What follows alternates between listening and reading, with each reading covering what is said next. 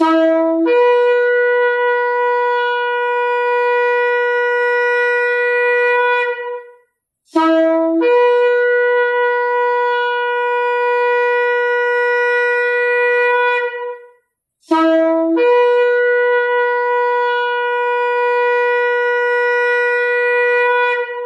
RPK di mana pun Anda berada, Shalom, Beshem, Yesua Hamasiah, salam sejahtera dalam nama Yesua Hamasiah, dalam nama Tuhan Yesus Kristus, Juru Selamat kita.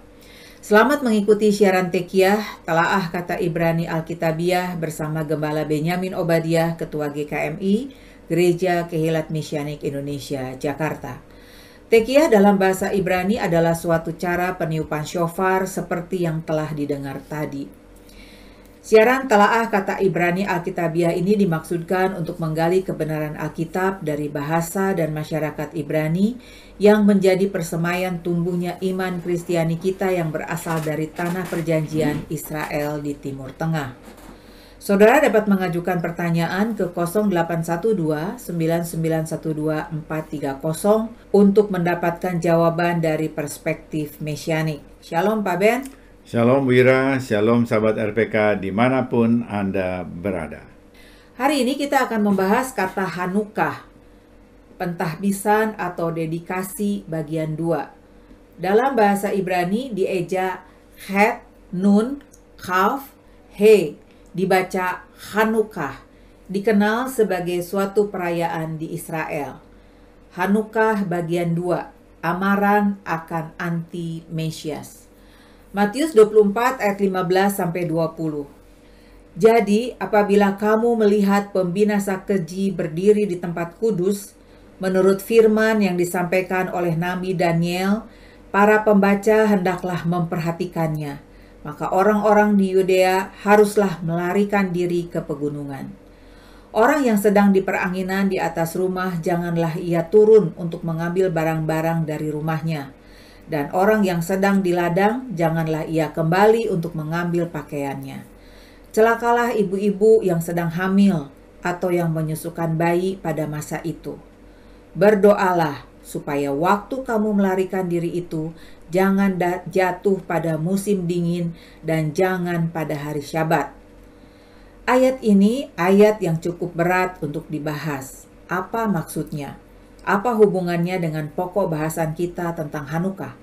Ya, Tekiah ada untuk membantu umat Tuhan melihat kata-kata dan ayat-ayat dari perspektif bahasa dan budaya Ibrani di Israel abad pertama. Kita juga baru merayakan Hanukkah, hari raya pentabisan ulang Bait Suci II yang dicemari oleh Antiochus IV atau Epiphanes Hanukkah merupakan hari raya minor di lingkungan orang Yahudi sejak abad 2 sebelum Masehi sampai sekarang. Hanukkah merupakan hari raya yang perlu dikenal Kristen bangsa-bangsa karena kaya makna. Ini perlu dipahami dalam dimensi ketahanan iman, dimensi sejarah untuk memahami Injil, dan dimensi eskatologis dalam pengajaran akhir zaman. Dalam dimensi sejarah, Hanukkah menandai munculnya dinasti Hasmonean, yaitu kaum imam-imam Lewi yang memerintah Israel, dimulai dengan Yuda Makabe, tokoh utama penahbisan ulang Bait Suci II. Adalah kebijakan dinasti Hasmonean yang memungkinkan Herodes kejam, orang Idomea, Edom menjadi proselit, bahkan kemudian menjadi raja di Yerusalem, Yudea. Hanukkah juga dikaitkan dengan Mesias yang datang untuk membela Israel. Kita sudah membahas sejak tahun pertama eh, Tekia, Yesua, Yesus merayakan Hanukkah di Bait Suci II yang ditabiskan ulang oleh Yuda Makabe di abad 2 sebelum Masehi. Saat Yesua merayakan Hanukkah di abad pertama, ia jelas mengakui bahwa dialah Mesias yang datang dari Bapa Surgawi dengan bukti pekerjaan yang dia lakukan. Nah, sekarang kita lihat lagi satu aspek penting lainnya. Secara eskatologis, Hanukkah menyingkapkan sifat-sifat Mesias palsu atau antikris yang akan datang. Dan ini diajarkan oleh Yesua, sang Mesias sendiri. Dalam Matius pasal 24, Yesua sebagai nabi menyingkapkan kedatangan Mesias di akhir zaman. Namun sebelumnya akan datang sosok yang disebutnya pembinasa keji seperti yang dibaca pada ayat 15 tadi. Siapa dan bagaimana pembinasa keji itu? Dialah antikris. Gerikanya antikristos. Ibraninya Shoten Hamasiah. Dalam Matius 24 ayat 24, Yesua juga berbicara akan munculnya Mesias-Mesias palsu. Gerikanya Pseudo Kristoi. Ibraninya Mesikei Sheker. Yesua memberi indikasi yang jelas tentang pembinasa keji itu seperti nubuat yang dikatakan Nabi Daniel. Kita lihat Yesua meneguhkan nubuat Daniel yang diucapkan 700 tahun sebelum Masehi. Apa yang dinubuatkan Daniel? Ya, ini membawa kita kepada nubuat Daniel tentang seorang raja Yunani yaitu Antiochus IV yang disebut juga Epiphanes. Pada tahun 167 sebelum Masehi, Antiochus mencemari bait suci dengan mendirikan patung dewa Zeus di bait suci. Ini tercatat dalam kitab sejarah 1 Makabe 1 ayat 54. Dan peristiwa ini sudah dinubuatkan sekitar 500 tahun sebelumnya dalam kitab Daniel 8 ayat 9 sampai 12. Maka dari salah satu tanduk itu muncul suatu tanduk kecil yang menjadi sangat besar ke arah selatan, ke arah timur, dan ke arah tanah permai. Ia menjadi besar bahkan sampai kepada bala tentara langit. Dan dari bala tentara itu, dari bintang-bintang, dijatuhkannya beberapa ke bumi dan diinjak-injaknya. Bahkan terhadapnya panglima bala tentara itu pun ia membesarkan dirinya, dan daripadanya diambilnya korban persembahan sehari-hari, dan tempatnya yang kudus dirobohkannya. Suatu kebaktian diadakan secara fasik menggantikan korban sehari-hari. Kebenaran dihempaskannya ke bumi, dan apa pun yang dibuatnya semuanya berhasil. Ini nubuat Nabi Daniel yang dirujuk oleh Yesua. Tanduk kecil itu adalah Antiochus Epiphanes. Tanah permai itu adalah Israel. Ia datang dari dinasti Selekus, salah seorang jenderal dari Alexander Agung. Selekus memerintah di Syria melebar sampai ke Yudea. Saat Antiochus berkuasa di Yudea, ia memerintahkan mendirikan patung Zeus di Bait Suci Yerusalem dan memberi persembahan babi kepadanya pada tanggal 25 Desember tahun 167 sebelum Masehi. Ini suatu kekejian di hadapan Tuhan. Ini yang disebut oleh Daniel, ia membesarkan diri sampai kepada bala tentara langit Bahkan kepada panglima bala tentara itu pun ia membesarkan diri. Ia melarang korban tamid, yaitu persembahan sehari-hari berupa korban domba pada jam 9 pagi dan jam 3 petang di bait suci. Dan menggantikannya dengan korban babi yang ditujukan kepada Dewa Zeus. Ini kekejian di hadapan hadirat Adonai Elohim Tuhan Abraham, Ishak dan Yakub. Inilah peristiwa yang mendorong perlawanan kaum Makabe yang dipimpin oleh Imam Matatias dari desa Modiin yang kemudian dilanjutkan oleh anak ketiganya yang bernama Yehuda Makabe. Dan inilah kisah yang melatari Hari Raya Hanukkah. Ya, ini menegaskan apa yang dimaksud Yesua ketika ia merujuk nubuat Nabi Daniel. Tetapi apa saja yang dilakukan Antiochus sehingga ia dipakai sebagai rujukan antikris oleh Yesua? Yesua memakai pola Antiochus di masa lalu untuk merujuk antikris di masa depan. Apa yang dilakukan Yesua merupakan satu prinsip untuk memahami nubuat Alkitabiah, yaitu apa yang Tuhan akan lakukan di masa depan, ia sudah melakukannya sebelumnya di masa lalu. Ini cara Adonai Elohim bekerja. Ia tidak tiba-tiba atau ujuk-ujuk melakukan sesuatu. Ia merencanakannya lebih dahulu. Dengan cara apa? Dengan membuat precedence atau suatu gambaran sebelum ia menyatakan wujud yang sesungguhnya. Yesua memakai sosok Antiochus di masa lalu untuk menjelaskan antikris, Mesias palsu di masa depan. Sekarang, dengan prinsip yang sama, mari kita teropong sosok antikris, anti-Mesias di masa depan dengan mengkaji kebijakan Antiochus Epiphanes yang mencemari bait suci 2 di abad 2 sebelum Masehi. Kita lihat kebijakan yang dibuat Epiphanes terhadap umat pilihan Tuhan. Satu, melarang mempelajari Torah, ibadah Syabat, dan hari raya yang ditetapkan di dalam Torah. Membaca dan mempelajari Torah, yaitu lima buku Mose, dilarang. Kitab Torah dibakar, dan yang bersangkutan diancam dibunuh di tempat. Untuk menghindari hukuman, orang Yahudi memakai kitab nabi-nabi sebagai kamuflase pembacaan kitab suci mereka. Ini mendorong munculnya tradisi baru di sinagoga pada saat itu yaitu pembacaan kitab nabi-nabi yang disebut Haftarah. Jadi kalau tentara Yunani datang, mereka cepat sembunyikan kitab Torah dan menggantikannya dengan pembacaan Haftarah. Tentara Yunani membiarkan orang Yahudi membaca Haftarah. Di sini kita lihat orang Yunani sangat bangga dengan Helenisme dan juga jelas sangat tidak suka terhadap Torah. Bagaimana mereka tahu isi Torah yang tertulis dalam bahasa Ibrani? Mereka tahu isi Torah karena sekitar tahun 300 sebelum Masehi, Torah Ibrani diterjemahkan ke bahasa Yunani yang disebut dengan Septuaginta atas permintaan Ptolemeus penguasa Yunani di Mesir. Dari Septuaginta, Antiochus Epiphanes tahu bahwa Torah berfungsi sebagai undang-undang dasar bagi bangsa Israel. Dan karena itu harus dicegah untuk dibaca, karena tentu ini akan menguatkan kepercayaan bangsa Yahudi. Karenanya Torah harus disingkirkan.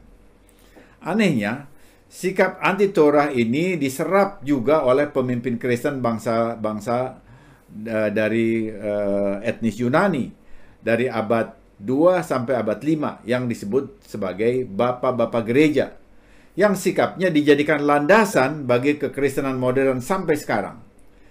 Ini yang tidak banyak diketahui pembaca Alkitab abad 21. Dengan presiden Antiochus ini, sosok antikris di akhir zaman juga adalah sosok yang anti Torah, anti Syabat, dan anti hari raya yang ditetapkan di dalam Torah. Wah, amaran atau warning yang luas cakupannya. Kita tahu di lingkungan Kristen ada yang ibadah Syabat hari Sabtu, ada yang ibadah Minggu. Bagaimana menengahinya? Tidak perlu dipertentangkan. Memakai cara berpikir siklis Ibrani, keduanya berbeda dalam jalur masing-masing. Kita menerima bahwa hari ibadah bagi Yeshua dan para rasul itu adalah Sabat, yaitu hari Sabtu. Tetapi umumnya orang Kristen bangsa-bangsa beribadah pada hari Minggu sesuai dengan tradisi tafsir bapak-bapak gereja abad 2 sampai 5.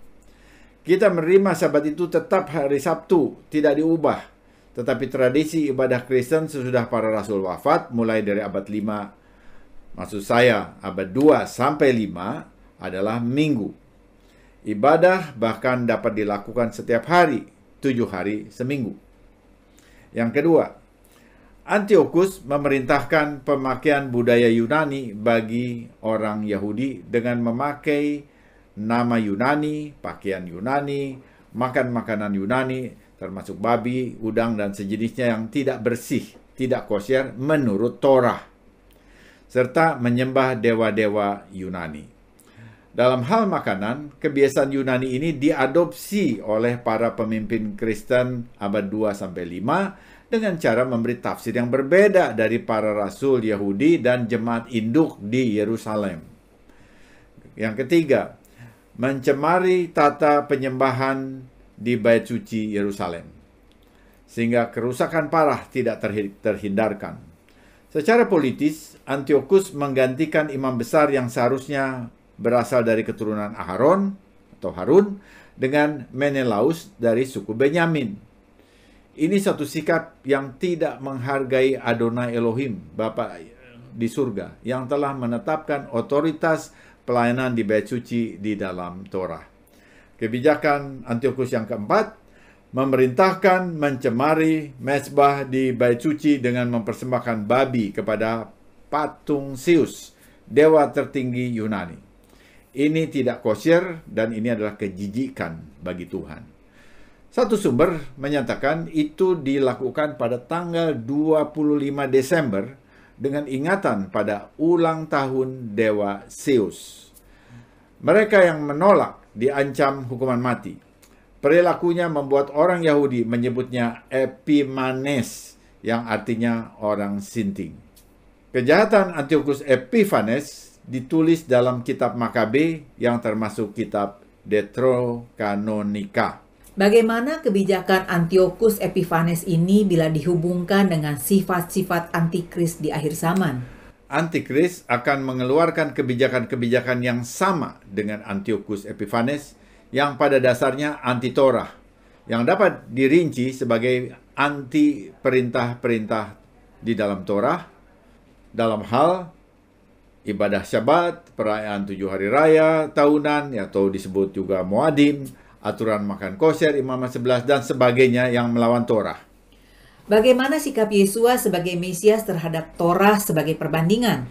Kita lihat sikap Yesua ketika ia diduga memberi tafsir yang meniadakan Torah dalam Matius 5 ayat 17. Janganlah kamu menyangka bahwa aku datang untuk meniadakan hukum Torah atau kitab para nabi.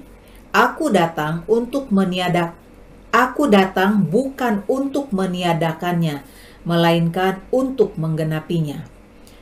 Ayat 18, karena aku berkata kepadamu, sesungguhnya selama belum lenyap langit dan bumi ini, satu iota atau satu titik pun tidak akan ditiadakan dari hukum Taurat sebelum semuanya terjadi. Jelas Yesus sang Mesias datang bukan untuk meniadakan Torah tetapi untuk menggenapinya.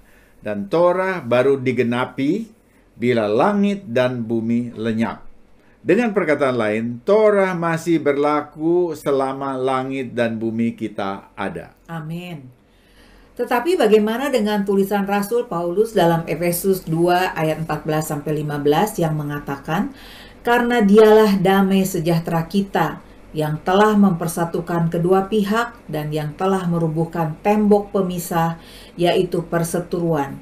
Sebab dengan matinya sebagai manusia ia telah membatalkan hukum Taurat dengan segala perintah dan ketentuannya untuk menciptakan keduanya menjadi satu manusia baru di dalam dirinya dan dengan itu mengadakan damai sejahtera. Itu terjemahan yang pemahamannya harus diluruskan. Rasul Paulus adalah seorang rabi Farisi dalam Judaism abad pertama yang percaya kepada Mesias Yeshua. Jadi tidak mungkin ia sebagai rasul berani melawan ajaran Mesias yang dilayaninya.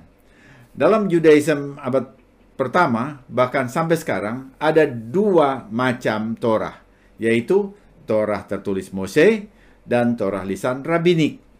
Kristen bangsa-bangsa umumnya tidak tahu akan hal ini.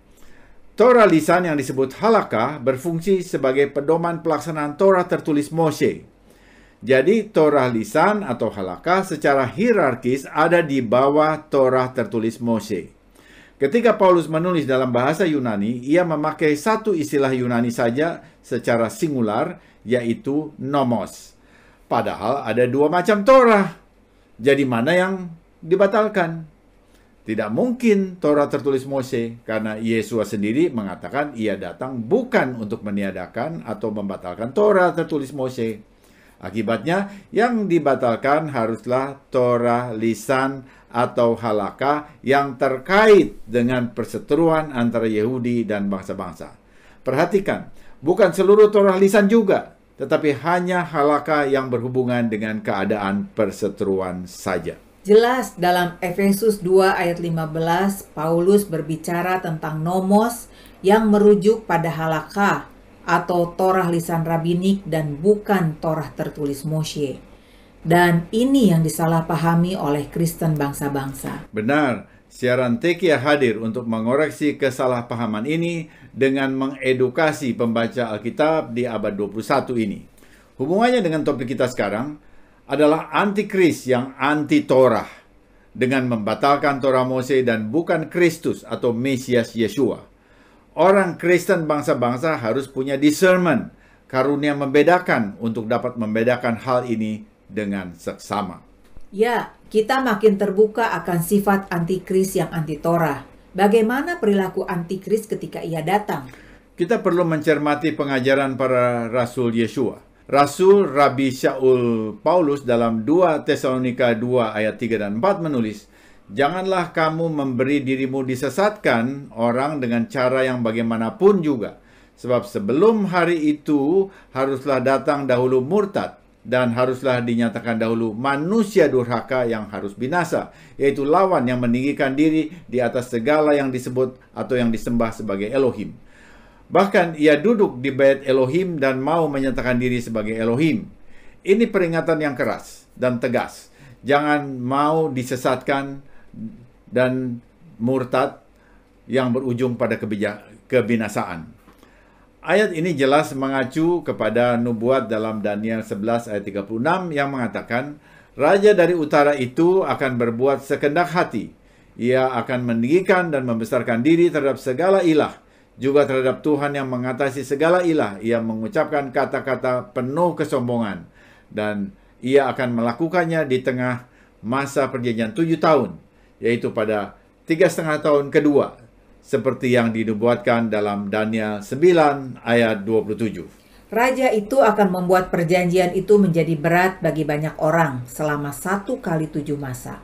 Pada pertengahan tujuh masa itu, ia akan menghentikan korban sembelihan dan korban santapan, dan di atas sayap kekejian akan datang yang membinasakan sampai pemusnahan yang telah ditetapkan menimpa yang membinasakan itu.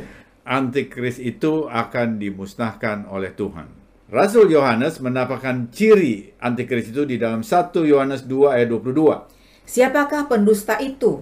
Bukankah dia yang menyangkal bahwa Yesua, Yesus adalah Mesias, Kristus? Dia itu adalah anti-Mesias, anti-Kristus, yaitu dia yang menyangkal baik Bapa dan Anak. Ini perhatian bagi kita semua. Bayang-bayang antikris sudah ada di sekitar kita saat kita melihat ada orang beragama sekalipun menyangkal Bapa Surgawi, Adonai Elohim, dan Anak, Yesus Hamasiah, Yesus Kristus amaran atau warning apa lagi yang perlu disampaikan kepada umat Kristen bangsa-bangsa? Kita perlu membaca Alkitab secara cerdas dan lebih mendalam dengan pimpinan Ruach HaKodes, Roh Kudus. Pertama, kita harus membaca Alkitab dengan pemahaman sejarah dan budaya penulis kitab suci. Dan bukan sekedar menurut tafsir modern yang lepas dari konteks sejarah dan budaya Ibrani Yahudi sebagai umat yang menerima dan menghidupi kitab suci sejak awalnya. Contoh sederhana, yang kita bahas tadi. Pengertian Matius 5 ayat 17 yang menyatakan Yesua datang bukan untuk membatalkan Torah versus pengertian Efesus 2 ayat 14 dan 15 yang mengatakan kematian Yesua membatalkan Torah. Pemahaman literalnya bertabrakan, sementara kalau kita pahami konteks historis kulturalnya sama sekali tak ada pertentangan. Yesua datang menggenapi Torah tertulis Mose, sementara kematiannya membatalkan Torah lisan halakah dan bukan Torah tertulis Mose.